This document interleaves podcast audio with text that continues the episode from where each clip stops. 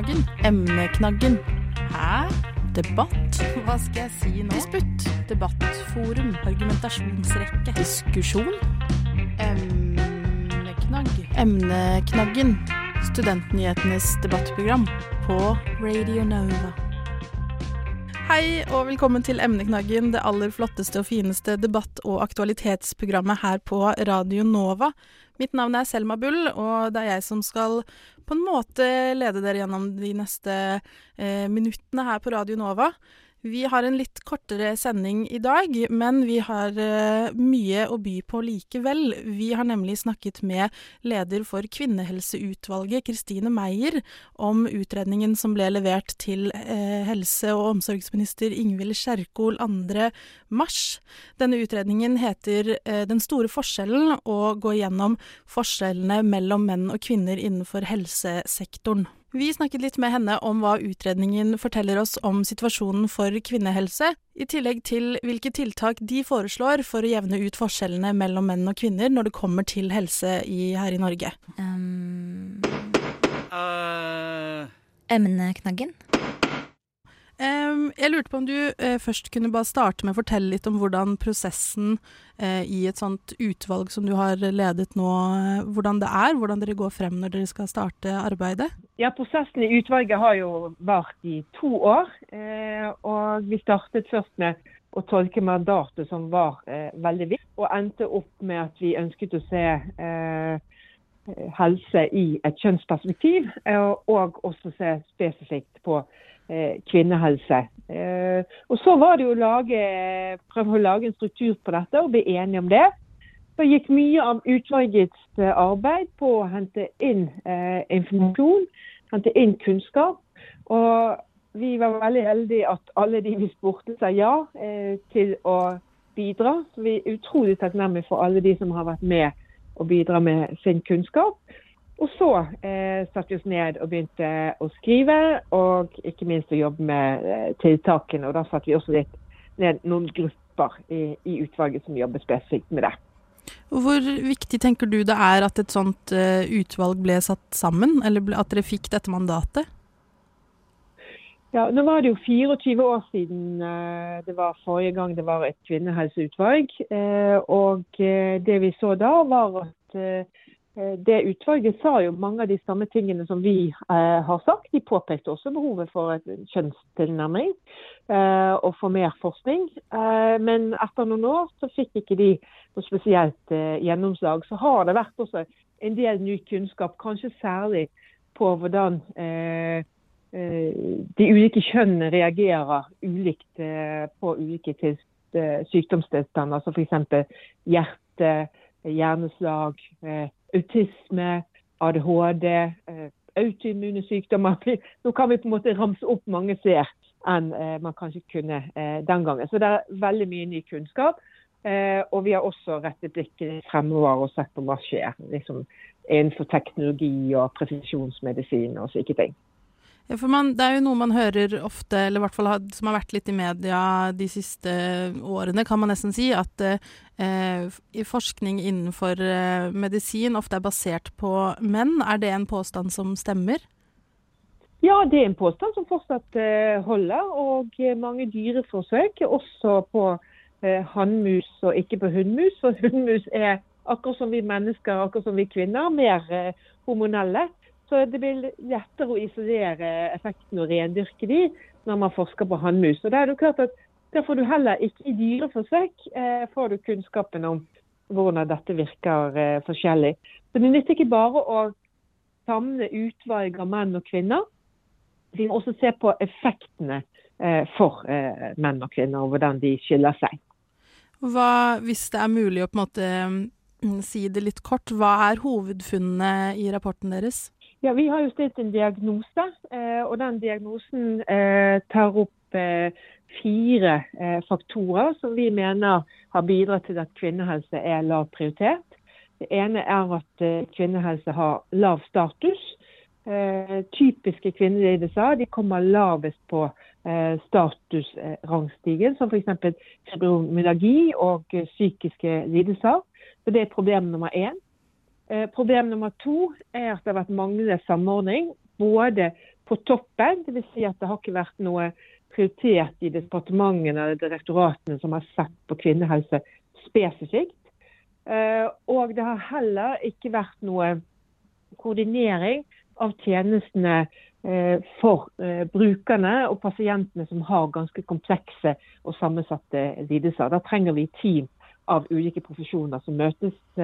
Om det er psykolog, ernæringsfysiolog, fysioterapeut sammen med lege. Altså team som møter de. Det var problem nummer to, manglende samordning. Problem nummer tre det går på at kunnskapen når ikke frem. Vi har visst dette, at eh, kvinnesykdommer eh, arter seg annerledes enn menn i veldig mange år. Og Allikevel når ikke dette frem i utdanningene, i informasjon til befolkningen, eh, og også i helsetjenesten, som da kan diagnostisere en hjertesykdom hos en kvinne.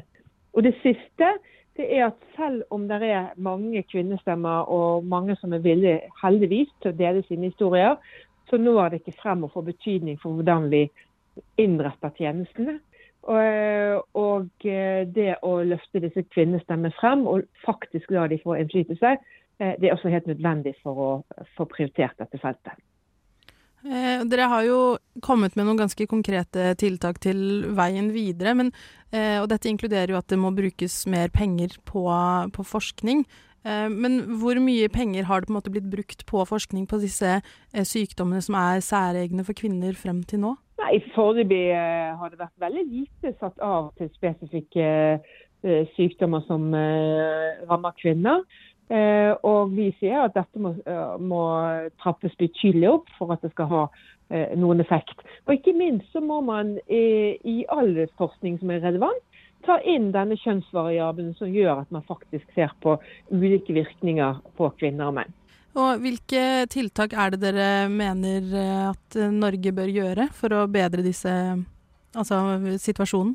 Vi har jo foreslått 75 tiltak. Det inkluderer jo også pårørende og den samiske befolkningen.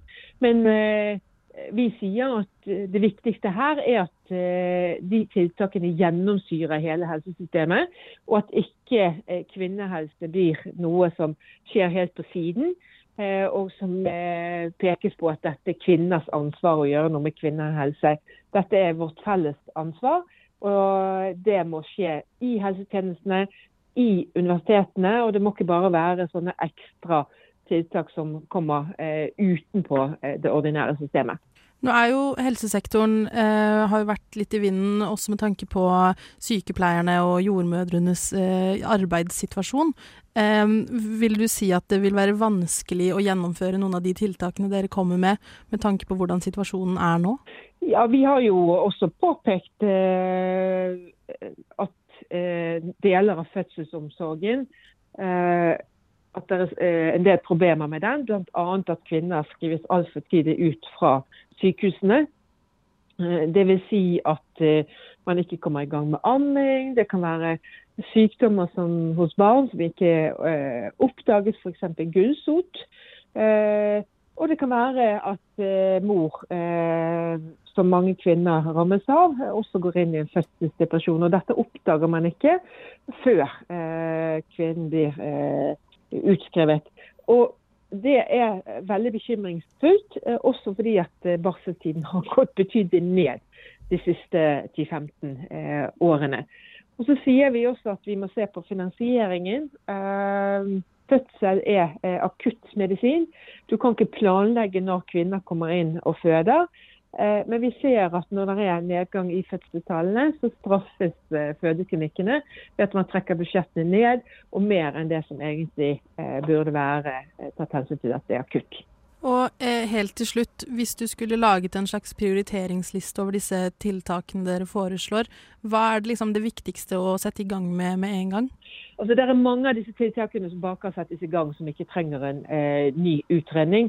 Veldig mye av det som går på å skille kjønnene, altså få en kjønnsdimensjon eh, gjennomgående i helsetjenestene, eh, det er bare å gjøre. Eh, og eh, samme med eh, det som har vært mye snakk om endometriose, som rammer mange kvinner. Det har vært en utredning. Vi vet hva vi skal gjøre, vi vet hva vi skal til.